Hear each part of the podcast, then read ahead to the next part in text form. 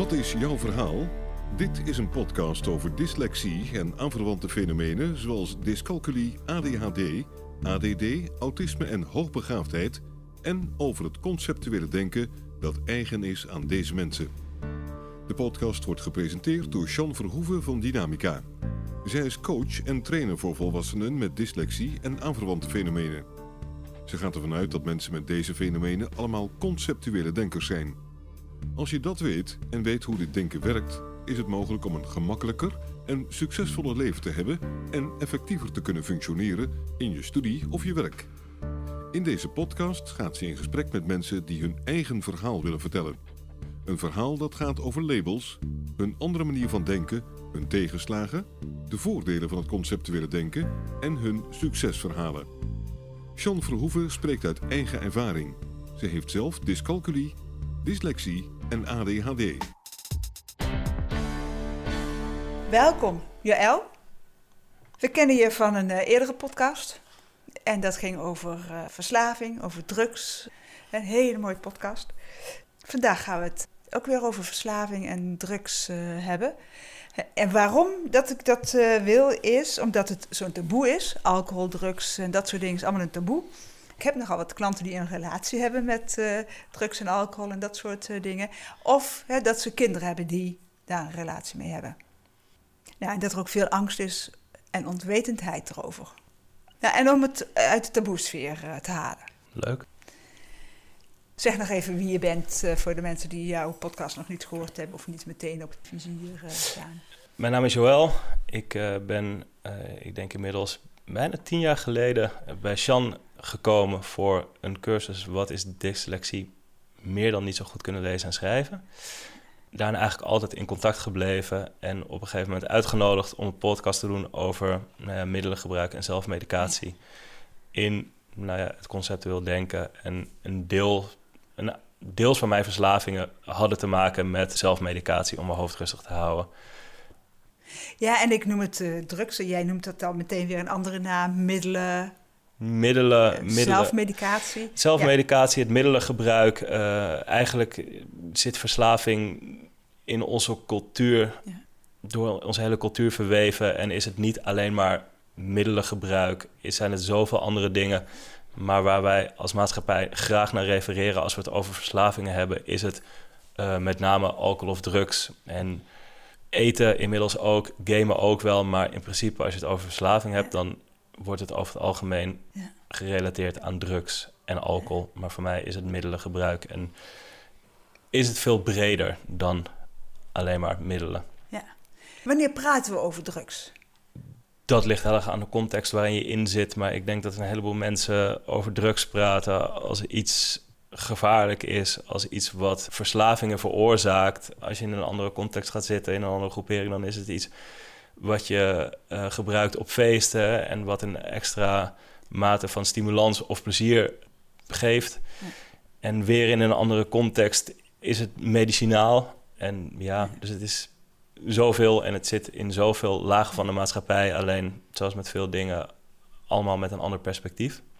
Ja, dus het is gewoon heel breed. Of is chocola eten, maar en dan denk je, ja, is geen drugs. Maar in feite kan je daar ook flink aan verslaafd uh, zijn. Wanneer is iemand verslaafd? Ik, ik, denk dat dat een hele persoonlijke vraag is ook. Want ik denk dat het gros van de mensen zullen denken of erkennen dat ze verslaafd zijn. Ja. Alhoewel, ik voor mezelf erachter gekomen ben, verslaving iets is wat eigenlijk altijd voortkomt uit een soort van onvrede. Dus het kan emotioneel eten zijn. Het kan je hoofd uitzetten door eindeloos Netflix te gaan bingen. Het kan iedere dag blowen zijn. Het kan heel veel drinken zijn om uiteindelijk maar weg te gaan bij een gevoel wat niet lekker voelt. Ja. En verdoven kan op alle manieren. Ja. En dat is iets wat er heel veel gebeurt op hele verschillende lagen. En uh, middelen ontzettend veroordeeld worden en gezien worden als een probleem ja. van de verslaving. Terwijl ik denk dat het veel meer gaat over de onderliggende problematiek uh, waar een verslaving uit voortkomt. En zodra het over middelen gaat, uh, zijn we er heel oordelend over. Terwijl heel veel televisie kijken, Netflix bingen, heel veel eten het een stuk minder hard is. Omdat het veel meer genormaliseerd is. Ik denk dat de vraag, als je het op alcohol toepast, dat het gros van de mensen niet zal zeggen: Ik heb een alcoholverslaving. Maar de mate en de intentie waarmee een hoop mensen toch een glas nuttigen, dat dat niet uit een zuivere motivatie is. En dan voelt het voor mij al gauw uh, als een vorm van verslaving. En dan is natuurlijk een verslaving, wat is een verslaving? Wanneer, bedoel, dan eh, zet, zeggen we graag in de wetenschap, als je zoveel glazen per week drinkt, dan ben je verslaafd. Die vliegen gaat voor mij niet helemaal op, want het gaat veel, voor mij veel meer over gevoel en wat is de intentie waarmee je een middel of een actie doet.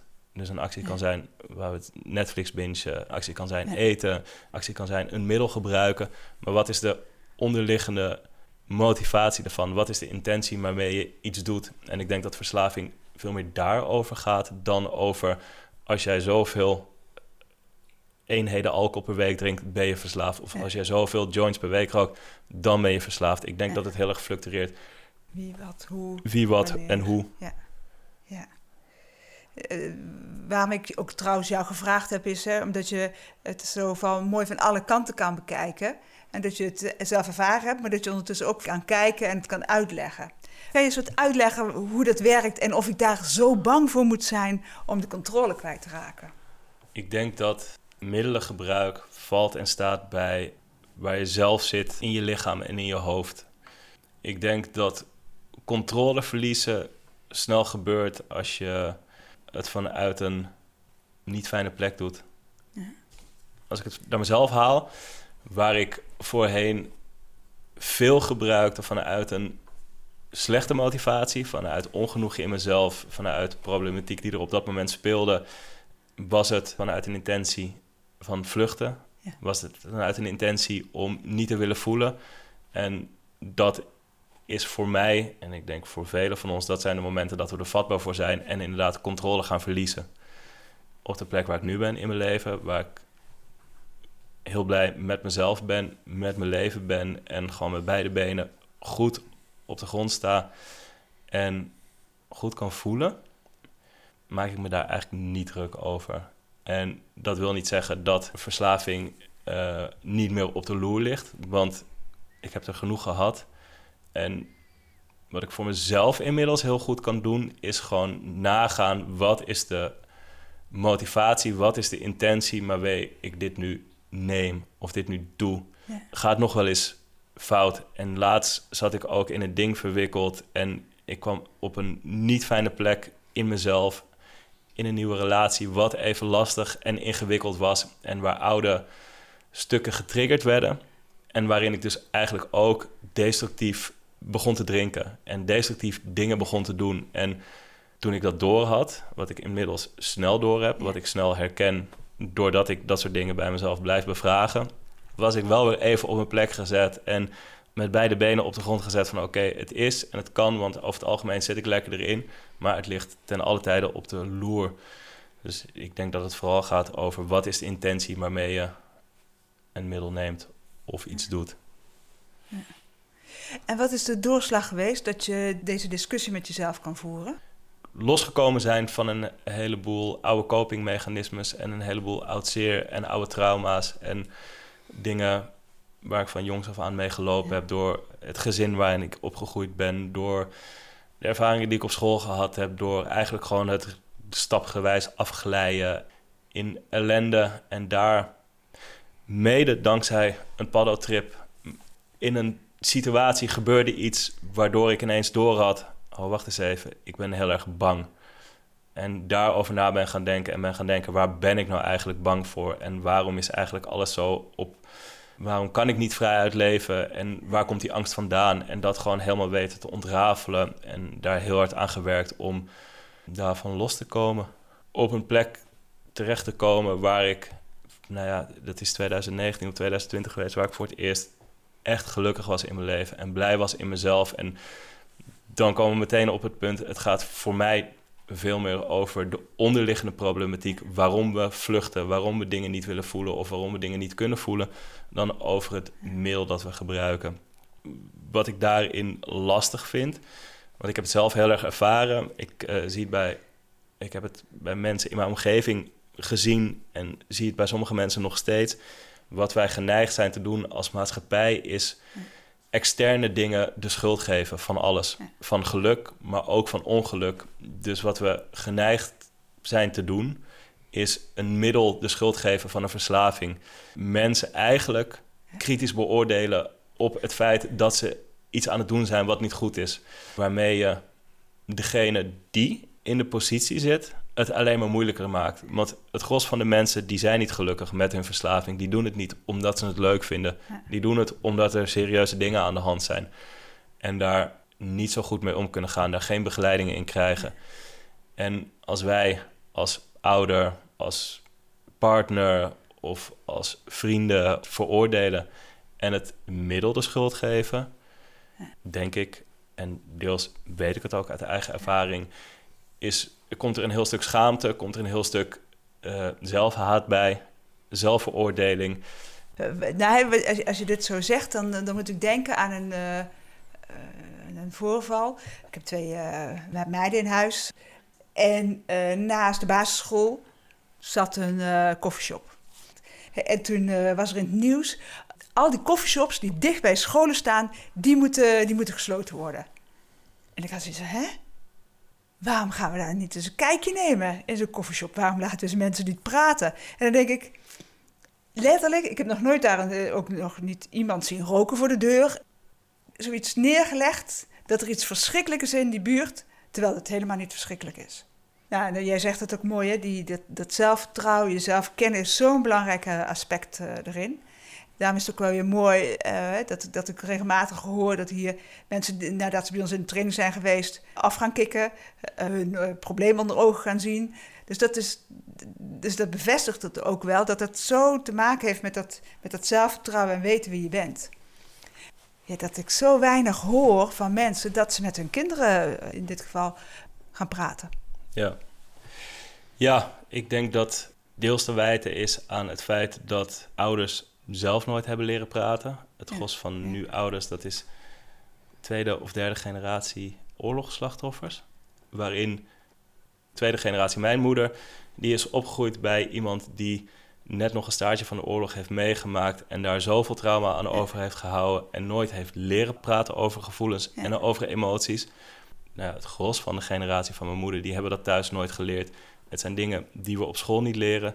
Dus voelen wat is goed voor me, wat is belangrijk, wat raakt me, wat raakt me niet. Dat is zo niet in onze cultuur verweven zit. En ik denk dat dat ook maakt dat het praten over emoties ontzettend ingewikkeld is. Doordat dat zo ingewikkeld is en doordat we het liefst met z'n allen niks fout willen doen, geen fouten willen maken, allemaal een mooie appearance willen hebben, willen laten zien dat het goed met ons gaat, zijn dit soort dingen zo ongelooflijk ingewikkeld geworden. Onnodig ingewikkeld, maar wel begrijpelijk ingewikkeld. En ik denk dat, dat daarom verslaving ook veel meer een maatschappelijk probleem is dan een individueel probleem. Ieder individu heeft ermee te maken, bewust of onbewust, in meerdere of in mindere mate. En de ene komt er misschien goed vanaf omdat hij een tijd, als hij niet zo lekker in zijn vel zit, eindeloos series gaat zitten kijken. En sommige mensen die raken zo diep in de shit... doordat ze inderdaad met middelen in aanraking zijn gekomen... en er niet meer uitkomen. Sommige mensen... Het is iets wat zo ingebed zit in onze maatschappij... maar waar nog zoveel taboe over heerst. En ik denk dat dat heel erg komt door het feit dat wij...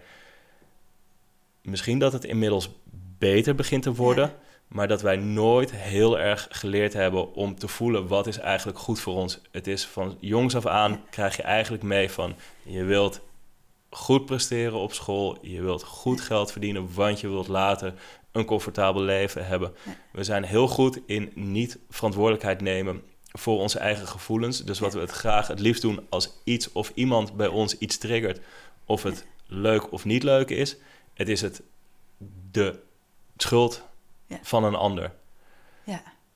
Ja, precies. Zoals hè, de schuld neerleggen bij die koffieshop die daar eh, naast die basisschool staat, terwijl die koffieshop geen overlast geeft. Maar dat het erover gaat dat we niet gaan praten met onze kinderen.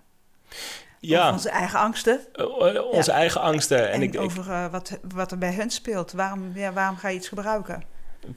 en het veroordelen van mensen op een verslaving, dat doet over het algemeen alleen maar meer kwaad dan minder kwaad. En ik denk dat het voor ouders, voor partners, voor, voor mensen in de omgeving van mensen met een verslaving meer bij jezelf houdt en Ja. het niet veroordeelt. En het feit waardoor er vaak ongemak komt, is omdat het dingen triggert in Ja. jezelf. Ja. En dat is een stuk ongemak wat we eigenlijk niet willen voelen. Eh, als een ouder zijnde kan het ontzettend voelen als falen. Ja. Als partner Ja, kan het ontzettend voelen als falen, terwijl het eigenlijk helemaal niet over een ouder of over een partner gaat. En zodra dingen eh, voelen als niet prettig, dan zijn we geneigd om het dus erg bij een ander neer te leggen. En ik denk wat heel erg belangrijk is met mensen die wat voor vorm van verslaving ook hebben, is om te gaan kijken wat is eigenlijk wat die verslaving tot stand brengt. Ja. En daarnaar kijken. Hetzelfde als dat ik heel slecht op ga als mensen bij een psycholoog of een psychiater komen en die zeggen: je moet eerst stoppen met blowen. Ja. Want voor mij, in mijn hoofd werkt dat niet zo. Want Nee. mensen blowen omdat er problematiek is. En Nee. als je zegt, je moet eerst stoppen en dan kunnen we naar je problematiek krijgen, dan sla je denk ik een heel groot stuk over. Want mensen zijn iets gaan doen omdat ze Ja. problemen ervaren. En daarom geloof ik veel meer in een veel meer begeleidende ehm, vorm van therapie, waar iemand gewoon zijn ding nog even kan doen, maar wel al kan gaan praten en Ja. dingen kan gaan Ja. onderzoeken. Dus ook als ouder zijnde naar een kind of als, ja, als partner zijnde. Omarm het en veroordeel het niet. Ja. Ja, dat is wel een mooie dat je dat aanhoudt van die eh, psycholoog, want die kom ik hier vaker tegen. Hè, dat ze zeggen van ja, ik wil naar psycholoog of psychiater, moet ik van mijn, eh, van mijn eh, zelfmedicatie af. En vervolgens moet je aan die andere drugs. En als je dat niet wil, of überhaupt niet kan van die cannabis af, hè, van de jointjes, eh, als ik, dat, ik kijk naar jou of ik dat een goede taalgebruik heb. Als je dat niet lukt, dan word je dus weer aan je lot overgelaten. Ja, ik, ja nou, je zei het al, het is bizar. En dan denk ik, waar zijn we mee bezig? Waar zijn we mee bezig? En we- ik bel, hè, we kloppen niet voor niks eh, aan de deur. Nou Ja, Ja. Ik, denk, en ik denk dat je hier wel een mooi punt aanstipt. Want dat is dus iets wat er dus ook heel erg in deze maatschappij verwoven zit. Het is allemaal zo ver verwijderd van luisteren naar mensen, mensen zien, kijken naar wat er in mensen omgaat. Het is allemaal protocollen die we volgen. Ja. Als je gaat kijken in de psychiatrie, de dingen die ik meegemaakt heb. Ik zeg niet dat het overal zo is, maar ik heb zo vaak gezien dat het protocollen zijn en die strak nageleefd worden. Waarom? Omdat er geen fouten gemaakt willen worden. Want zodra je fouten maakt, word je erop afgestraft, word je erop afgerekend. Waardoor er in zoveel gebieden in onze maatschappij er geen ruimte meer is om fouten te maken, waardoor we eigenlijk steeds verder van onszelf verwijderd raken. Want zolang we maar regels na blijven leven Ja. en volgens de protocollen van de maatschappij, volgens de protocollen die er gemaakt zijn voor dingen, zolang we dat doen, doen we niks fout. En zolang we niks fout doen, heb ik in ieder geval niks gedaan. Ja. En dan zal ik het wel goed gedaan hebben. Waar zit voor jou ehm, het kantelpunt? Ik denk dat het kantelpunt zit in een kwetsbare samenleving. Ik denk dat daar het kantelpunt zit. Want zolang er geen ruimte voor gevoelens zijn, zolang er geen ruimte voor zelfreflectie is, zolang er geen ruimte voor kwetsbaarheid is, hebben we een maatschappij die ons zo ver van onszelf verwijdert. En dat is waar ongenoegen uitkomt. Ik bedoel, mensen gaan heel hard werken. Waarom? Omdat ze zich eigenlijk niet fijn voelen in wat ze zijn. Om in sommige gevallen om een, een eigen beeld daaruit te halen. Om veel geld te kunnen verdienen. Om allemaal externe redenen. Ja. En Ja. waarin je jezelf uiteindelijk voorbij gaat. En op een gegeven moment, als je jezelf kwijt bent, niet meer met jezelf kan inchecken, niet meer lekker voelt, dan zijn verslavingen denk ik iets wat redelijk voor de hand ligt. Want Ja. je bent niet lekker in jezelf. Dus ik Ja. denk dat een groot kantelpunt kan zijn een kwetsbare maatschappij. Ja. Waarin we dichter bij onszelf komen, waarin we leren voelen, leren luisteren. En nou ja, dat eigenlijk vooral. Moeten we onze hoop vestigen op eh, de jongeren van tegenwoordig, van deze tijd?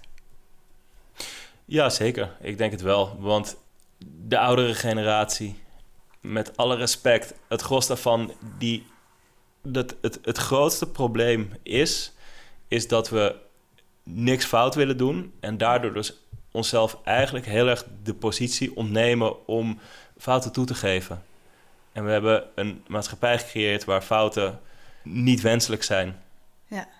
ja. En wat gebeurt er als fouten niet wenselijk zijn, is toegeven: hé, hey, dat heb ik misschien niet zo handig gedaan, is heel ingewikkeld. Ja. ja. Dus als je een generatie hebt waar heel erg gevoelig heeft leren zijn, wel altijd liefde heeft uitgesproken en gevoeld voor een kind, ja. maar niet de emotionele begeleiding heeft, heeft kunnen geven in mindere of meerdere mate. Ik denk niet dat het van deze mensen gaat komen. Ja. Die zitten al zo lang vast in een ding. Ja. en uitbreken uit dit soort dingen, dat is gewoon ontzettend ingewikkeld. En ook voor jongeren. Want je gaat op een gegeven moment in tegen iets wat de norm is. En hetzelfde als dat kwetsbaarheid eigenlijk voor een hele hoop mensen een vies woord is. Ja. En je moet ja. niet kwetsbaar zijn, want je moet sterk zijn. Ja. ja.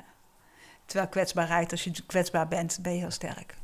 Ja. Want er valt er niks eh, aan je af te keuren. Ja. Oh ja, ik weet nog, één keer zei een, een van mijn eh, dochters van... Goh, ze zeggen dat er zoveel drugsverslaafden in Amsterdam zijn. Maar hoe zien die er eigenlijk uit? Ik zeg, nou, dan uh, gaan we even een rondje fietsen. Uh, kijken hoe ze eruit zien. Dus we zijn een rondje gaan fietsen. En heb ik ze aangewezen van daar uh, staan er een paar en daar staan er een paar.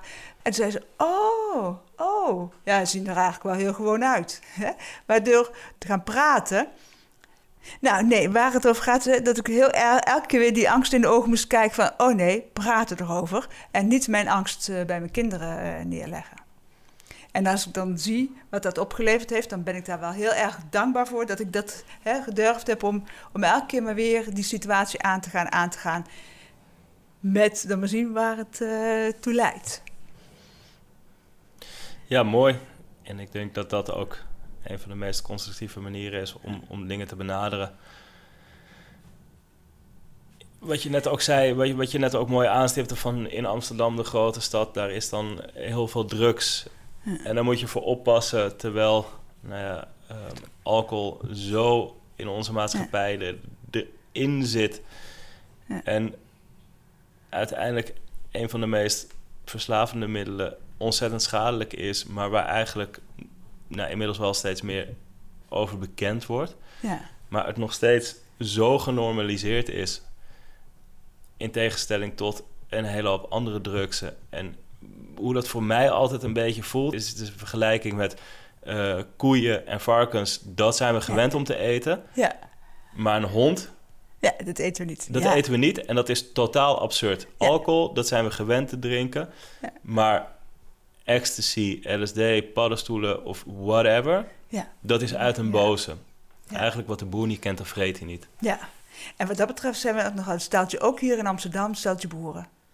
Zeker. Toch? Of in de... ja. Ik denk in, de, Ja. in, het, in een groot deel van de westerse maatschappij. Ja, En ongetwijfeld niet alleen de westerse maatschappij. nee, de hele wereld, ja. Er is een lijst. High humans. En eh, dat is een lijst en die geeft eh, heel mooi weer wat, hoe schadelijk bepaalde drugs is. En dan zit alcohol bij de drugs, hè, drugs in de breedste zin van het woord. Hoe schadelijk het is voor je eigen systeem. En hoe schadelijk het is voor eh, de omgeving. Hoe kan het zijn dat die, die lijst er gewoon is, hè, van hoe gevaarlijk bepaalde dingen zijn. En dat we er vanuit de maatschappij totaal omgekeerd op reageren. Nee, wat je net eigenlijk al zei, hè, alcohol is er gewoon goed. En die drugs, eh, hoe komt het, hoe is drugs zo in een verdomhoekje gera- geraakt? Ehm, ik denk dat drugs eh, voornamelijk in een verdomhoekje geraakt is door de war on drugs, die Nixon ooit begonnen is. Gewoon de onwetendheid van mensen over dingen, de spookverhalen die er ooit de wereld ingebracht zijn. Het feit eh, dat alcohol iets geaccepteerd is, oudsher al. En wat gewoon ontzettend verweven zit in onze maatschappij. En zodra dingen verweven, zodra wij dingen als normaal zien en normaal ervaren, ook al is het misschien niet zo normaal, dan kom je weer op het stukje eigenlijk misschien een fout toegeven. Dat is heel ingewikkeld. Daarbij heb je een alcoholindustrie die gewoon, wat gewoon, ja, wat zo'n grote industrie is. Wat eigenlijk hetzelfde als het roken. Ik bedoel, hoe lang heeft het geduurd voordat roken echt aangepakt werd en er eigenlijk gewoon echt bekendheid kwam over hoe schadelijk het is en hoeveel lobby's zijn er niet geweest tegen al die berichten. En zo is dat met een alcohollobby ook. Een ding wat ik maatschappelijk ook altijd heel ingewikkeld vind, is te zeggen: mensen zeggen, als jij drugs gebruikt, ben je deel van een probleem. Namelijk het stimuleren van de onderwereld. Want volgens mij, als ik me niet vergis, is ecstasy ons grootste exportproduct. Waar dus miljarden in omgaan. En je wordt als gebruiker word je vaak door mensen verantwoordelijk gehouden. Wat ik niet per se heel eerlijk vind. Want als gebruiker heb je niet een eerlijke keus. Zoals je bijvoorbeeld bij alcohol of bij roken wel hebt. Ja. En het feit dat er nou ja, zo'n lijstje van high humans, dat dit al jaren bekend is, maar dat wij verandering over het algemeen ingewikkeld vinden. Ja. Dus vast blijven houden aan spookverhalen, aan het ontwetende en ondertussen wel dat kunnen we spreken onder het genot van een glas alcohol, omdat dit nou eenmaal maatschappelijk geaccepteerd is. Dat blijft voor mij gewoon een stukje onkunde van de mens. Ja. Ja. En het moeilijk kunnen accepteren van verandering en het heel makkelijk uh, verantwoordelijkheid bij anderen neerleggen. Zonder dat men eigenlijk weet wat het is of het ervaren heeft. Ehm, we spraken net over de HI-lijst. En dat is de Drugs Harm Index. Oftewel in het Nederlands Drugs Schade Index. Deze lijst laat op verschillende niveaus zien wat voor schade verslavende middelen aanrichten. De verschillende niveaus zijn in hoeverre het schade richt op jezelf, op je omgeving, op het milieu, op je relatie en of je eraan dood kan gaan op lange of korte termijn en hoe afhankelijk je ervan bent. En op deze lijst staat alcohol meestal als eerste en als meest schadelijke, net als heroïne, terwijl wiet en bijvoorbeeld paddo's heel erg veel lager scoren. Paddo's staan meestal op de laatste plaats, terwijl we voor deze zo bang zijn. En alcohol staat bovenaan. En deels is dat omdat het zo gemakkelijk te verkrijgen is en dat het zo normaal gevonden wordt. Dat ene glaasje wijn elke avond bij het eten. Uh, deels omdat het zoveel schadelijke effecten heeft op je eigen gezondheid. En deels ook van als we dan drinken, dat we heel veel drinken. En de, de, de, slechte dronken kunnen hebben, die zo schadelijk kan zijn voor jezelf, maar ook voor je directe omgeving. En eh, binnen gezinssituaties kan alcohol heel erg uh, veel schade aanrichten. En dat is wat we vaak vergeten. Uh, wat kunnen ouders doen als ze vermoedens hebben dat hun kind uh, een probleem heeft met welk middel dan ook? Ja, het enige ding wat je kan doen is, is vragen. Wat voor vragen zou je kunnen stellen? Wat voor vragen? Nou, ik denk dat één, de persoon waaruit de vraag gesteld wordt, dat die op een rustige, niet oordelende manier is. Wat best ingewikkeld kan zijn, omdat het vaak een hele hoop triggert. Het heel belangrijk is dat je van jongs af aan alles bespreekbaar maakt. Altijd in gesprek blijft met je kinderen en ze vooral niet veroordeelt.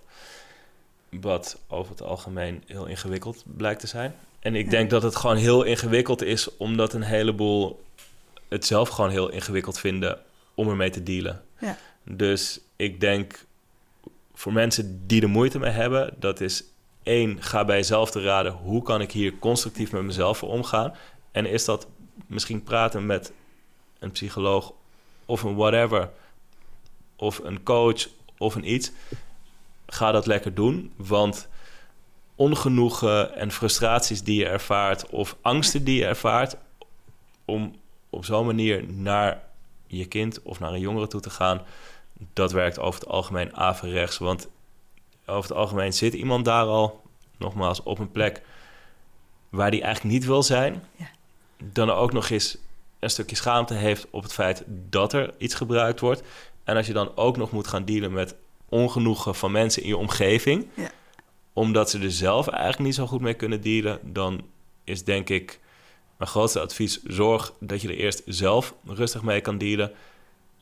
En Ja. blijf vooral eigenlijk gewoon ook in gesprek met je kinderen. Maar zorg ook dat je zelf op een plek bent waarmee je er kan omgaan. En leg niet de verantwoordelijkheid bij je kinderen neer. En Ja. ga het vooral ook niet over jezelf maken door te denken: ik heb gefaald en ik moet dit oplossen.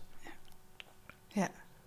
Ja, Maar kijk gewoon goed, wat is mijn stuk hierin en wat is het stuk van mijn kind hierin en hoe kan ik mijn kind hierin helpen en hoe kan ik mezelf hier ook in helpen. Hoe kunnen mensen, eh, waar kunnen ze hulp eh, zoeken? Want we hebben het net ook al wel gehad over psycholoog, psychiaters. Dan moet je eerst afgekikt zijn voordat je daar geholpen wordt. Ehm, zijn er sites, zijn er boeken, zijn er... ehm, Ik weet dat eigenlijk niet zo goed, want ik ben zelf nooit ergens gaan afkicken of ik heb Nee. het eigenlijk allemaal wat dat betreft redelijk op mijn eigen houtje gedaan.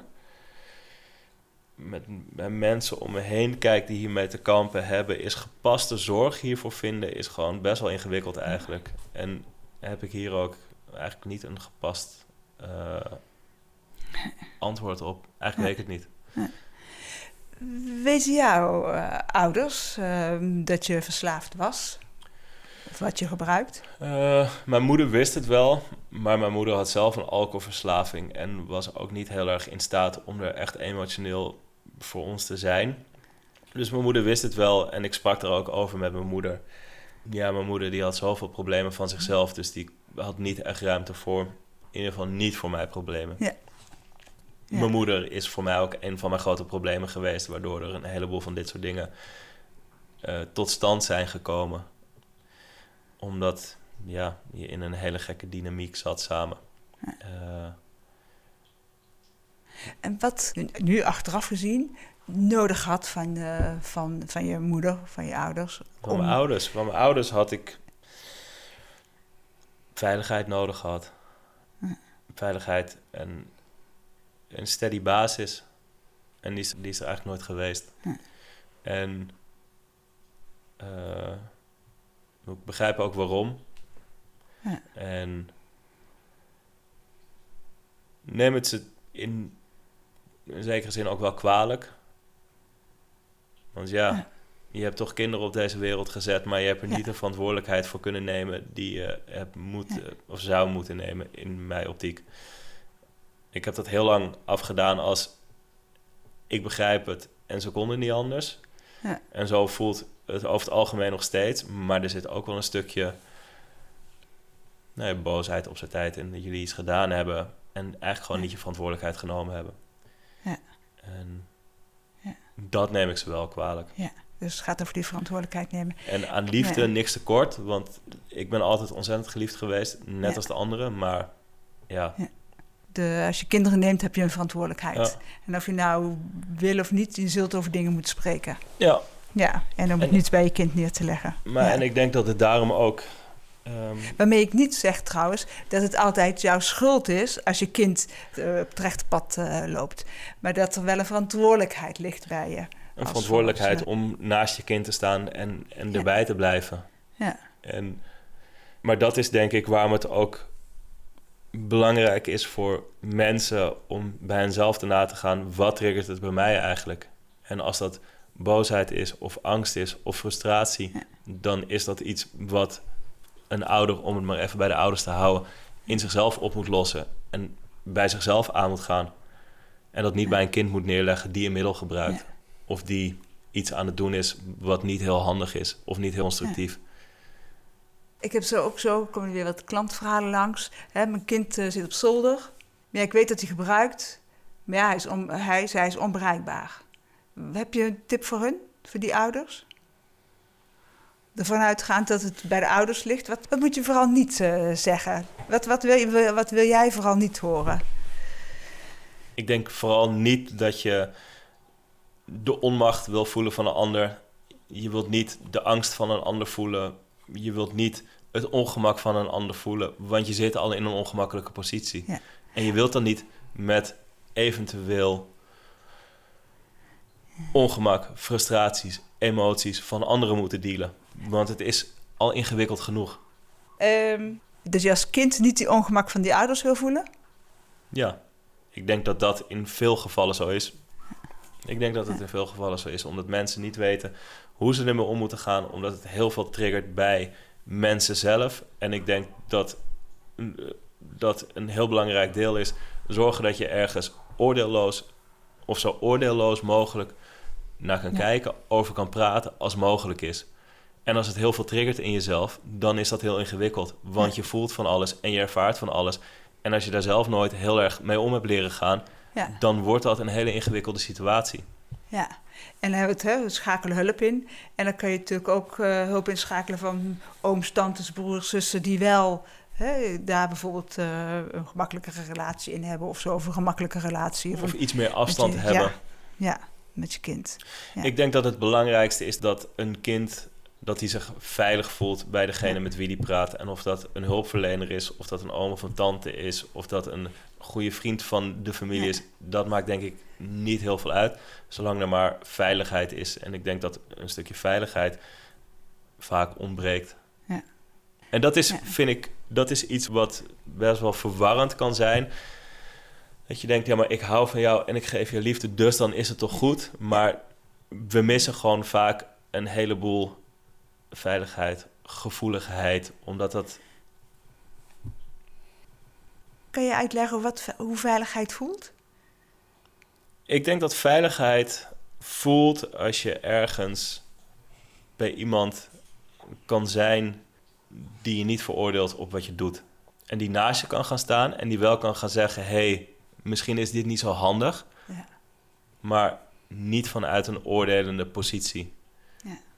En ik denk dat dat, ik denk dat dat veiligheid is, waar je onvoorwaardelijk, of onvoorwaardelijk is misschien wel, maar waar je gewoon kan zijn, waar je kan huilen, waar je kan lachen, maar waar je Ja. niet veroordeeld wordt op het feit dat je huilt. Dus hetzelfde tegen kinderen zeggen: je, wat ben je aan het huilen? Ja. Of je staat tegen een jongetje zeggen: sta niet zo te janken als een wijf. Ja, ja, bedoel, heel veel erger kan het niet worden.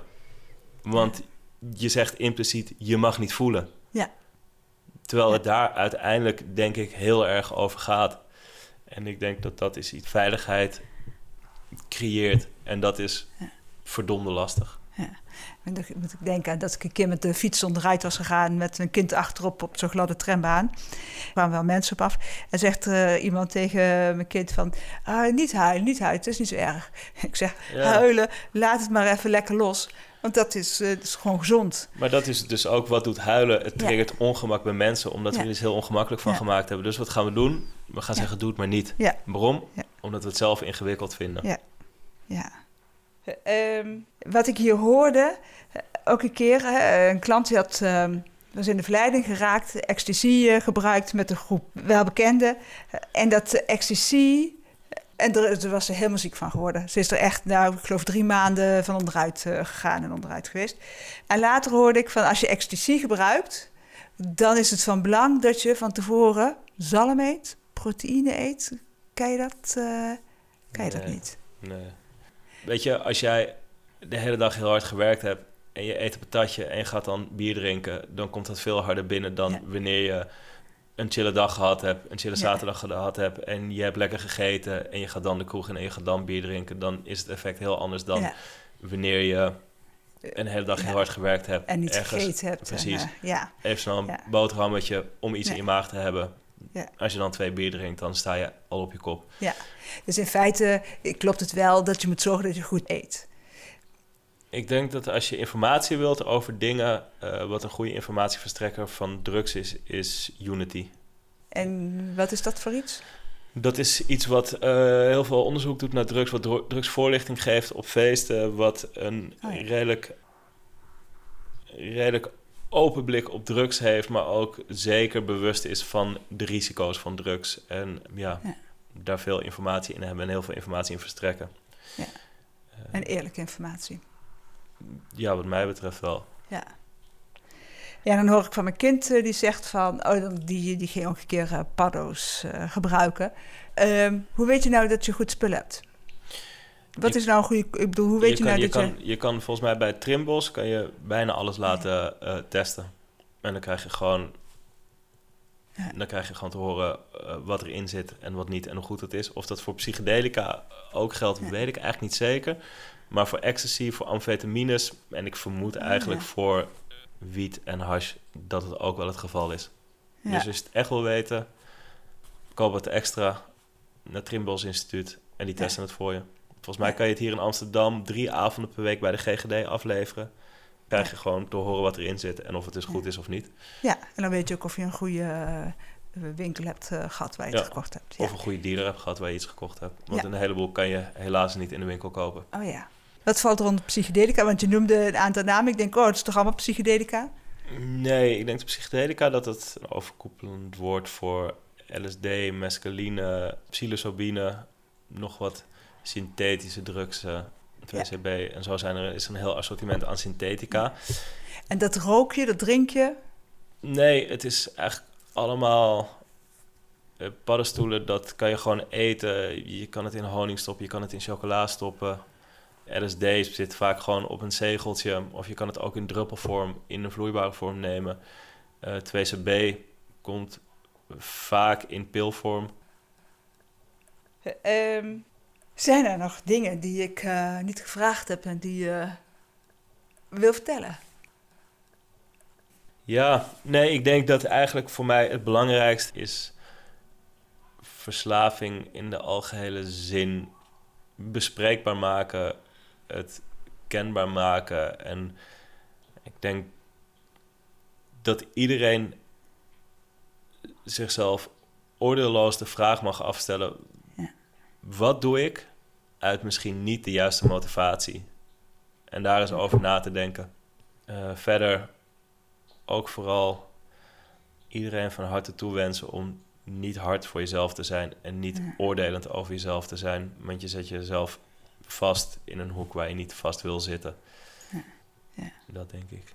En ga erover praten. Oftewel met je partner, met je buurvrouw, met daar waar jij je vertrouwd voelt. Precies, waar je veilig wezen. voelt. Ja, en ga dan van daaruit het gesprek met je kind aan. En als dat de eerste tien keer eh, misgaat, stop niet bij de elfde keer. Nee. En eh, En laat informeer je, informeer je. informeer je en Ja. ga vooral ook bij jezelf naar wat doet het met mij en hoe kan ik zorgen dat het dat ik er zelf mee om kan gaan. Ja. Voordat je daadwerkelijk in gesprek gaat met anderen, zodat je anderen niet, om het maar even heel cru te zeggen, lastig valt met je eigen onkunde.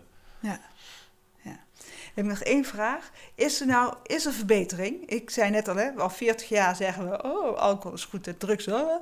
Is, is er verbetering? Zie je, gaat het de goede kant op of is het echt... eh, heel veel psychedelica, dat er heel veel onderzoek naar gedaan wordt en dat dat weer heel erg aan het terugkomen is in de, in de medische wereld.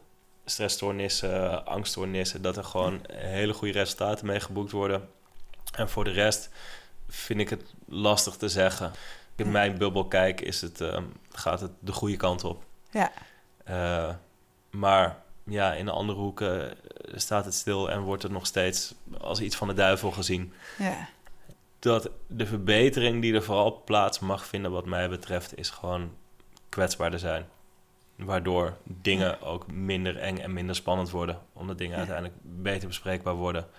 En ik denk dat het uiteindelijk daar veel meer over gaat. Dan Ja. over eventuele middelen die erbij komen kijken. Of eventuele handelingen of uitingen van dingen. Ja. Maar dat het veel meer gaat over waar zijn we in onszelf. En hoe kunnen we goed voor onszelf zorgen? Ja. En wat is echt belangrijk? ja. En dan is uiteindelijk een middel is secundair. Nou, dankjewel. Ja, Ja. Dankjewel dat ik, eh, dat ik weer mocht komen. Ja, Tot de volgende. tot de volgende. Ja, het lijkt me een goed plan. Wil je reageren op deze podcast of heb je vragen? Stuur dan een mail naar podcast.dynamica.nl. De reacties zullen worden meegenomen in volgende podcasts. John Verhoeven geeft coaching, workshops en trainingen. Wil je meer informatie? Kijk dan op www.werkendyslexie.nl of www.geniaaloprechts.nl of bel 020 639 1099 020 639 1099. Jean Verhoeven heeft twee boeken geschreven over dyslexie, Slimmer dan je baas en Dyslexie, Stoornis of Intelligentie. Deze boeken zijn te koop in elke boekhandel. Stuur de podcast door naar iedereen waarvan je vindt dat ze meer zouden moeten weten over dyslexie, ADHD, ADD, dyslexie, dyscalculie, autisme en hoogbegaafdheid en het conceptuele denken. Deze podcast is gemaakt in samenwerking met Marcel de Hoog van Storytelling Media. Hij verzorgt de technische, redactionele en morele ondersteuning. Tot de volgende aflevering.